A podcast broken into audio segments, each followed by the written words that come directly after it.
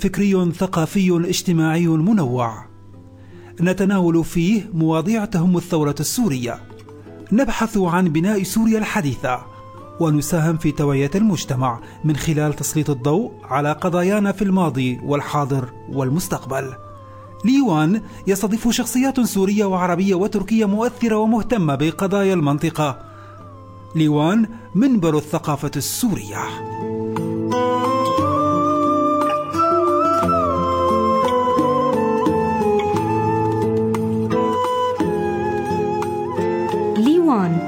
لمة البيت السوري راديو فجر فجر الحرية.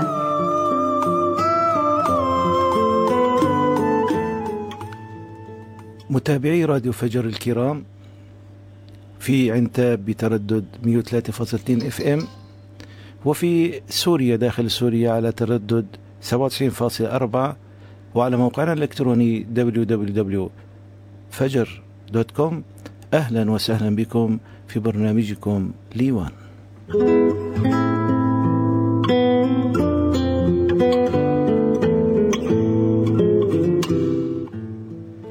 أعزائي مستمعي راديو فجر كلنا يتذكر ذلك التونسي الذي قال أيام الثورة لقد هرمنا. وطبعا نتذكر ذلك السوري الذي قال أنا إنسان مو حيوان. الأحداث التي جرت في تركيا ظهرت إمرأة. هذه المرأة بيدها عصا وهي تقول لقد بكى والدي من أجل مندريس وبكيت أنا من أجل ترغوت أوزال ولا أريد لأبنائي أن يبكوا من أجل أردوغان. طبعا لا تقصد أردوغان كشخص وإنما تمثل رأس سلطة ديمقراطية. فالناس والمجتمع ومنظمات المجتمع المدني قالت للانقلاب لا نحن مع الديمقراطية. كيف رأى الغرب هذه الأحداث الهامة؟ وكيف كان تضامن وانطباع ومشاركة المهاجرين السوريين هناك؟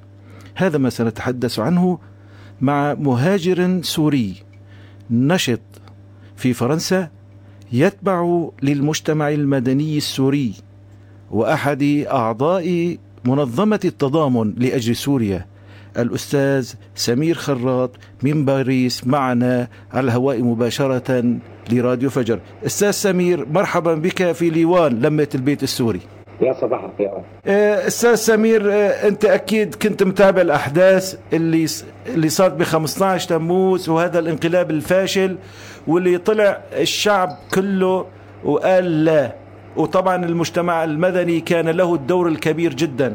وحضرتك ناشط أساسي واحد أعضاء مجتمع مدني. أول شيء بدنا ناخذ منك الانطباع عن اول القراءة الأولى عن هذا الانقلاب الفاشل وبعدها تتكرر الأسئلة إن شاء الله. أخي علاء نحن لازم ننظر نظرة واقعية مفاهيم الشعب حاليا إن كان بتركيا أو دول أخرى. نعم. لم يعد هناك مجال لأن نقول للشعب اتبع بالشكل الاعلى نعم. الشعب صار له مفاهيم وأبعاد وأهداف وطن. نعم. من هالمنطلق هذا تم تأسيس نعم. قضى على المفاهيم الكلاسيكية صار الوطن التركي نعم. مناضل من أجل الشعب ومن أجل الوطن. نعم. وليس من أجل شخص. نعم. المفهوم هذا الجديد هو عبارة تحسين فكري. نعم. مواطن هالتفكير الجديد هذا.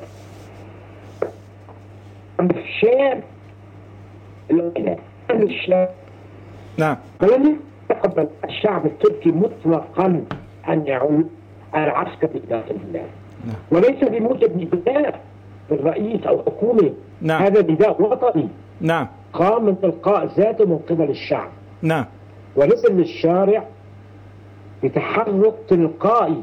نعم. يقول به الشعب يحافظ على حريته الشعب يحافظ على ديمقراطيته. نعم. الشعب يريد متابعة نهضته الفكرية نهضته الصناعية نهضته العلمية. نعم. التي أوصلت تركيا إلى سابع دولة بالعالم اقتصاديا التي أوصلتها أوصلتها إلى مراحل تنافس فيها الاتحاد الأوروبي بالذات. نعم. أليس هذا ناتج مفهوم واجب المواطن وحقوقه؟ نعم. فمن هالمنطلقات يعني أنا بقدر بدعم كل حراك إن كانت تركيا أو لأخرى يقوم على مفاهيم وطنية نعم. ومفاهيم وطن نعم. ومن هذا المنطلق آه، لاحظنا الشارع نعم. وخاصة الشارع نعم. في البداية تبع الأحداث على بشتى أنواعها توجهاته كان هناك نوع من من الجمود نعم. إلى أن تفهم ما يحدث.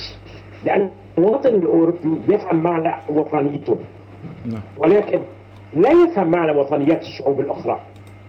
فلذلك بات مصدوما ما يحدث وبات مشاركا لما يحدث.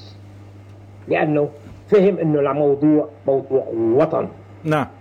فنزل للشارع مع التركي ومع الجاليات الأخرى بتجمع بساحة الجمهورية بباريس وكنت من أحد المشاركين في هذا التجمع.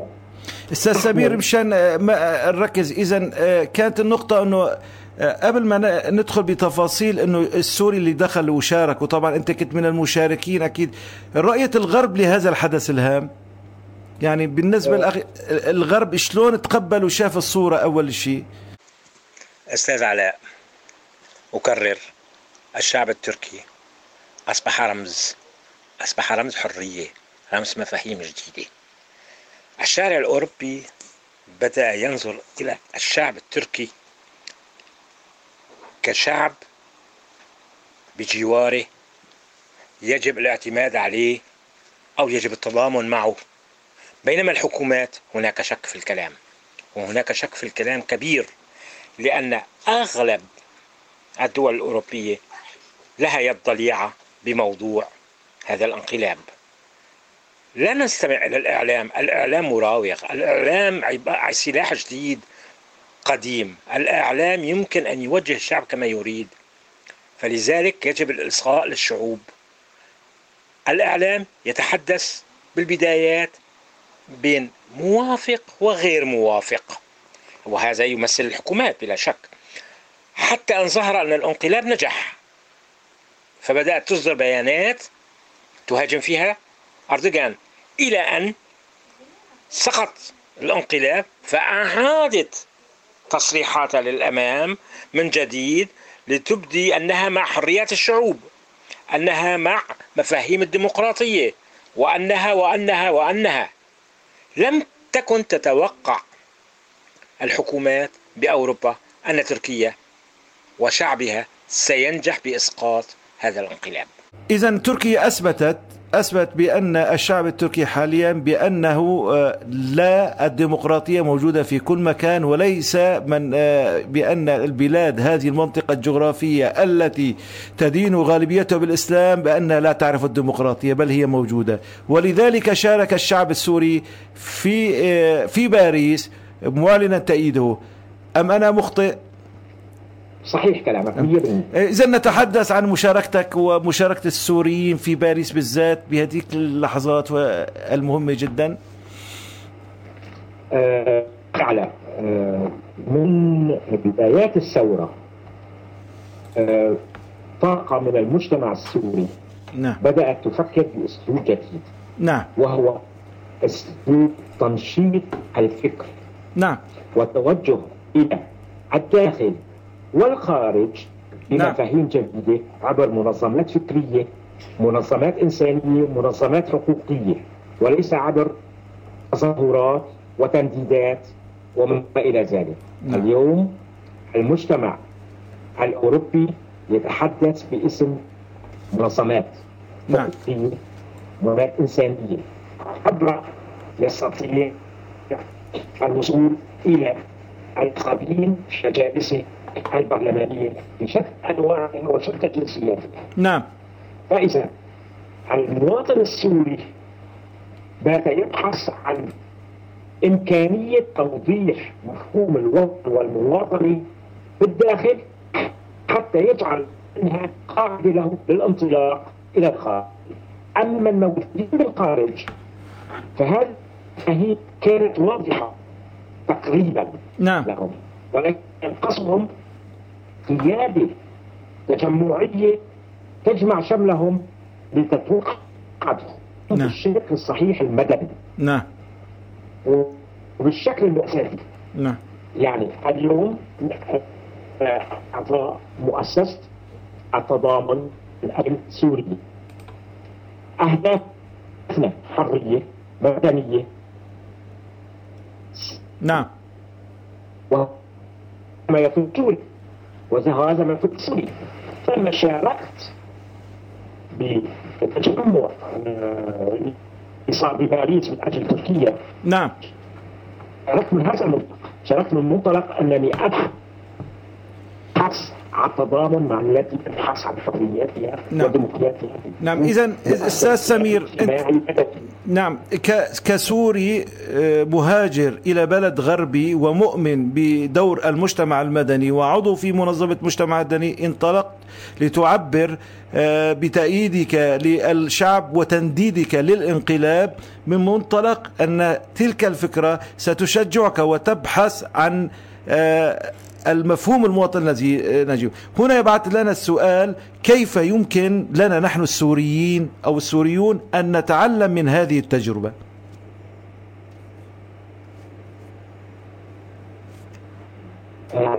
بدوني بالمشاركات التي تتم كثية تاريخية إيه. أربع مع مع الزملاء والأصدقاء. نعم. المنظمات الجادية التي نتعامل معها. نعم. هناك تغيير وإحساس فكري جديد. أن الشعب هو صاحب الحق. نعم. ومن هذا المنطلق راح نشط دور المنظمة تبعتنا ودور المنظمات بتوصيل الرسالة الشعب له حق ويجب المحافظة على حقوقه. والدرس من نعم. تركيا أصبح واضح لنا. ويجب أن نستفيد منه بخطواتنا المستقبلية. لنوصل للفرد بالداخل والخارج أن المجتمع المدني أن ال- الحراك المدني أن الأهداف المدنية السلمية هي الأساس. نعم. آه، في صحف تركية حاليا اللي عم حاليا اليوم أستاذ سمير الآن الحدث المهم أنه الاجتماع المجلس الأمن القومي الكبير اللي بتزعمه رئيس الجمهورية مع أعضاء الحكومة ومع القيادات العسكرية وهي الآن تبدأ باتخاذ قرارات مهمة. الفكرة الرئيسية اللي حابين نحن نقول هون والدرس الأساسي اللي تعلمناه نحن شغلتين إنه إذا الشعب التحد واتحد مع بعضه ما ممكن أي قوة توقف أمامه. والشيء الثاني إنه بلادنا هذه المنطقة الجغرافية يوجد فيها مفهوم ديمقراطية ويمكن أن نطبقه. ولذلك كما فهمت منك بأن المجموعة الجالية السورية النشيطين اللي هناك حاليا يقومون بتجمعات مدنية قوية آه، وفق هذه الخطوات. سؤال أليس للسياسيين هناك دور؟ يعني عندك مكتب ائتلاف مثلا ما له دور بإنه ينشط بهالمجال؟ بيه خلينا يعني نحكي عن الائتلاف. الائتلاف تجمع في البدايات أخلق لوظيفة ولكن بداياته وتجمعه فشل فيها واليوم الائتلاف يصفي نفسه لأنه لم يمتع لم يعتمد على ما يطلبه الشعب. نعم. بل اعتمد على ما تطلبه الرجالات السياسية. نعم. التي تأتي نشرة والغرب وتحمل أعلام و و و و. نعم. آه، أعزائي وهذا المستمعين رابع نعم آه، آه، نعم نعم. آه، عم بيهد مهندس الصوت عم بيسالني إنه حل وقت الفاصل وانت كلامك حلو ما عم نريد نقطعه. آه، ممكن تكمل الفكرة مشان ندخل على الفاصل. آه بينما آه لو توحدت جميع الآراء والأهداف بالائتلاف نحو خلق مواطنة وخلق مجتمع مدني وخلق فكر حر بدون الاعتماد على الولاء لأجندات خارجية أو الولاء لدول أخرى كان الائتلاف نجح نعم. هذا رأيي الشخصي. نعم. الائتلاف مزق نفسه بنفسه. نعم.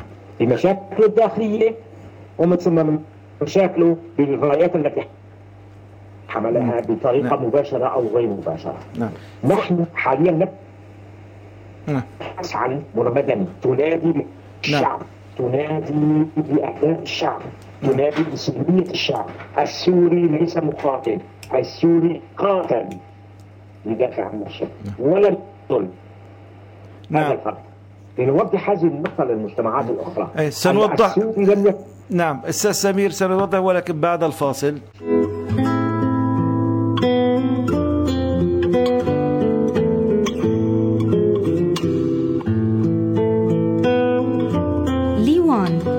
لمة البيت السوري راديو فجر فجر الحرية.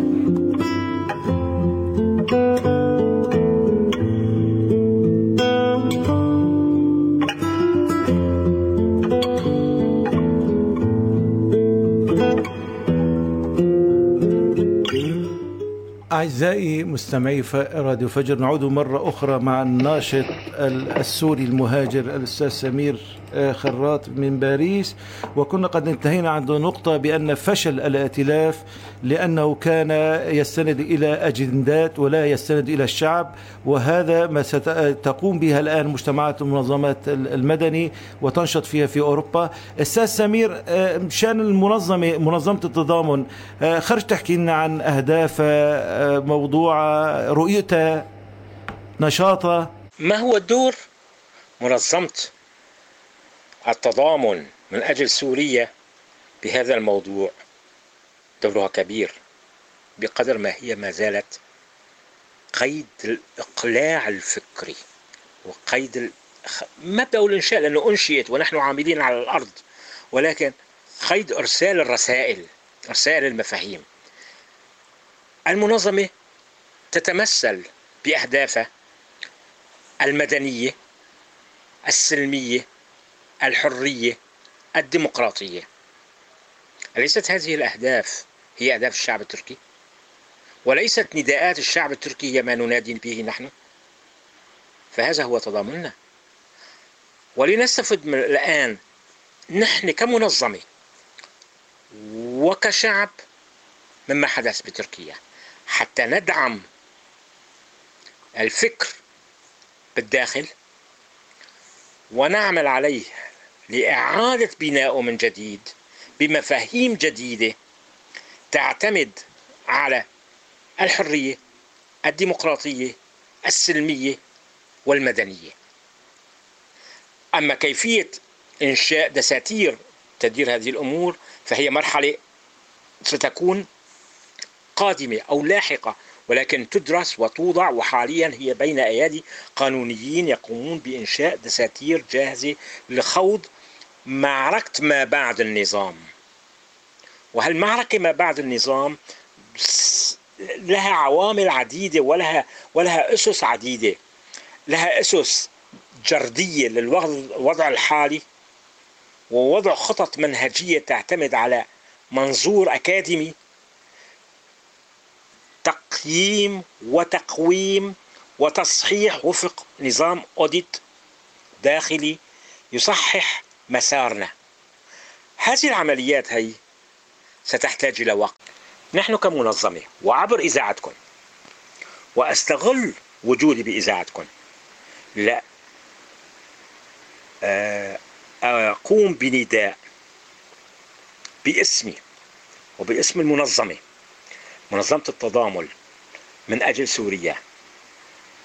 رجاء رجاء رجاء. المنظمات الدولية الإغاثية منظمات حقوق الإنسان الأمم المتحدة الجامعة العربية منظمة التجمع الإسلامي منظمات الحقوق الأوروبية الاتحاد الأوروبي. لن أترك منظمة إلا وأتوجه لها بهذا النداء. أوقفوا المجازر. أوقفوا المجازر حلب تذبح دارية تقتل. منبج ضحاياها اليوم تتجاوز ال 125 ضحية. هذا معقول أن تقوم قوات التحالف بضرب مدنيين بحجة أننا نقضي على الإرهاب؟ أيعقل أن أدمر مبنى بكامله لأن ذبابة دخلت إليه؟ وأدمر هذا البناء على أهله ومواطنيه. هذا كلام غير منطق.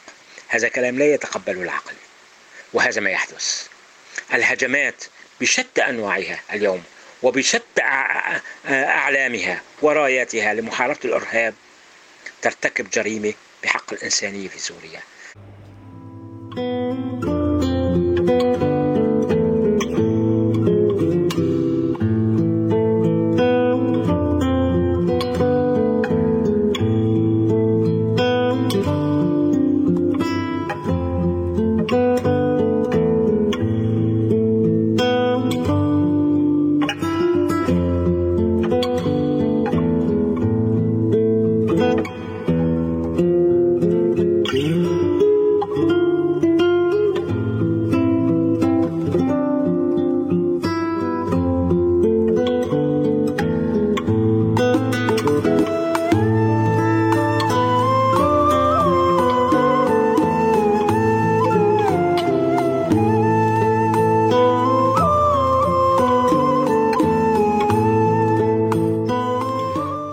أستاذ سمير بدنا هذا الفاصل اللي نخلص منه من دور المنظمات وحكينا عن الواقع الانقلاب ولكن بيهمني إنه أنت عندك آه، آه، دراية بالعالم الاقتصاد ولك مقالات مهمة خاصة المقالة الأخيرة اللي كتبتها فيها حول اقتصاد الظل. شو هو مفهوم اقتصاد الظل؟ وما هي وجهة نظرك الخاصة بالاقتصاد التركي والاقتصاد السوري؟ قبل الثورة بعد الثورة. بس بنحب إنك آه، تركز على موضوع اقتصاد الظل وتعطينا فكرة عنه. تحدثني عن الاقتصاد وتطلب مني وجهة نظر خاصة بالاقتصاد التركي ومقارنته مع الاقتصاد السوري. إن كان الاقتصاد السوري الحالي أو ما قبل الثورة إلى الاقتصاد السوري ما بعد الثورة. هذه المفاهيم اولا لنشطرها أو لنضعها وفق فقراتها كما تم تصميمها بالبداية. الاقتصاد ما قبل الثورة؟ كل ما يمكن أن أسميه اقتصاد فساد. اقتصاد قائم على مفهوم الاقتصاد اقتصاد الظل. اقتصاد قائم على الفساد لإدارة البلاد. فكيف لي أن أقارن اقتصاد من هذا النوع مع الاقتصاد التركي الذي وصل إلى مرحلة يتحدى فيها الاتحاد الأوروبي؟ هل يمكن أن اقتصاد من هذه القوة من هذا النوع أن يصل عبر الفساد؟ مستحيل. الفساد ونظام الظل حاليا بسوريا يشكل 50% من الفعاليات الاقتصادية. الاقتصاد الظل يعبر عبر قنوات وهيكلية وضعها النظام لكي يهيمن على المنشآت الصناعية ورجال الأعمال والصناعيين والتجار ومن يخطر على باله القيام بأي عمل. عبر قنواته وأجهزته الأمنية عبر مفسدينه ومخبرينه فيهيمن هيمنة كاملة ويغري هؤلاء الأشخاص بالتهرب الضريبي وبالوساطات وبالدعم وبالاستبزاز وبكل الطرق المتاحة له حتى بات الاقتصاد السوري مريض كمرض سرطان. مرض السرطان هل تعتقدوا أنه بنقدر نعالجه بأدوية تهدئة آلام أم يجب الهجوم على المرض بحد ذاته؟ ومن هو الحق المرض بحد ذاته؟ أليس النظام؟ أليس النظام من زرع هذا الفساد؟ إذا طالعنا النظام ومن يدور بفلكه ألن نقتلع بهذه الطريقة هذا السرطان؟ طيب خلينا نحكي عن الوضع الاقتصادي آه، اللي في الحالي إن كان بتركيا وإن كان بسوريا. ناخذ فكرة عنه الموضوع كمان منك. أما الوضع الاقتصادي الحالي إن كان لسوريا وإن كان لتركيا. نرجع أنا يمكن أنا عمال أخذ دائما تركيا لأنه بالمقارنة لأنه هي الجارة القريبة واللي هي تحتضن 3 مليون سوري. فإذا تعتبر جزء منا ونحن جزء منها. بالوقت الحاضر ريثما نعيد تشكيل كياننا. الوضع الاقتصادي الحالي لتركيا رغم الهزة اللي اللي أثرت عليه بعض الشيء أثرت بعض الشيء بنسبة 2 أو 3% على البورصة أثرت على هبوط الليرة التركية ولكن لو لو كان هناك اقتصاد ضعيف لانهار فورا.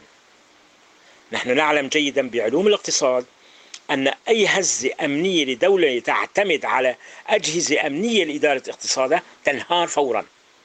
أي اقتصاد يقوم على منظومة الظل ينهار بأول هزة أمنية. بينما الأتراك لهم اقتصاد واضح لهم وجود في البورصة العالمية لهم مصانع تتحدى بإنشاءاتها ومنشآتها ومنتجاتها الاتحاد الأوروبي. فهذا ليس اقتصاد ظل وهذا ليس اقتصاد عفن.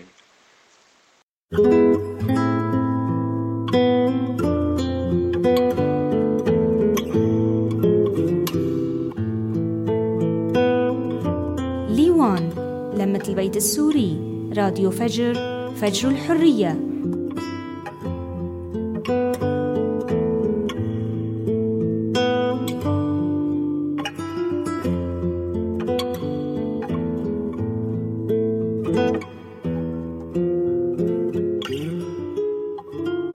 لا يسعنا في نهاية اللقاء أعزائي مستمعي راديو فجر إلا أن نشكر الأستاذ سمير ونترك له الميكروفون ليحدثنا كلمة أخيرة. هو يحب أن يتفضل بها. أستاذ سمير آخر كلمة من عندك إذا سمحت؟ أخي علاء أنا بتشكرك على هاللقاء. بتمنى أن يتكرر لقاءاتنا من جديد حتى نفهم الوضع السوري ونفهم ماذا يحتاج إليه السوري. وقبل أن أختم لقائي أقول لا تأكلوا هم يا سوريين. أنتم بتعتقدوا أنه النظام ركب على رقبتنا ديون بشراء للأسلحة بالخلل قام فيه؟ هذا غلط. هذا يسمى هذه الديون تسمى الديون العفنة والديون العفنة التي يستجرها النظام لحماية نفسه وللدفاع عن وجوده. لا تعتبر ديون مركبة برقبة الشعوب. ما أن يسقط النظام هذه الديون تسقط معه وتبقى حاصل محصل ما بينه وبين الدائن والمدين. الشعب السوري ليس له علاقة. وهذا بوفق العرف الدولي والأنظمة الدولية للديون. فلا خوف علينا مطلقا. أما موضوع روسيا حست على هذه النقطة وقامت باتفاقيات عبرها مونت النظام بأسلحة وما يلزمه عبر اتفاقية حق الاستثمار بالمياه الإقليمية السورية للنفط والغاز. أيضا هذا هذه الاتفاقية فاشلة وتسقط من تلقاء ذاتها ولسبب قانوني بسيط. أي اتفاقية تبرم من نظام غير شرعي تعتبر ملغية تلقائيا من ذاتها. والنظام السوري نظام غير شرعي. من بدايات الثورة من الأشهر الأولى أقرت الجامعة العربية بطرده. أقرت الأمم المتحدة بعدم شرعيته ولكن حافظت على سفير لها. الاتحاد الأوروبي كله أقر بأنه نظام غير شرعي. حتى لو هناك قنوات خلفية يتعاملون بها مع النظام هذا موضوع آخر. هذه حركات وبهلوانيات دبلوماسية. ولكن وفق القانون الدولي أنتم اعترفتم بأنه نظام فاقد شرعيته. فإذا كل ما يوقعه النظام بعد أن فقد شرعيته فهو فاشل فهو ساقط. ومن هذا الأساس بطمن الشعب السوري أنه لدينا لجان قانونية ولدينا رجال مختصين بمعالجة هذه المواقف. وستعود سوريا للبناء وستعود سوريا للعمار وسيعود الشعب السوري للفكر وسيعود الشعب السوري للحضارة والتاريخ. شكرا أستاذ علاء أعزائي مستمعي راديو فجر شكرا لاستماعكم لبرنامج ليوان مع الأستاذ سمير خراط المهاجر السوري النشط آه، وعضو منظمة التضامن في الوطني في باريس. آه، على أمل أن نلتقي في حلقة أخرى والسلام عليكم ورحمة الله وبركاته.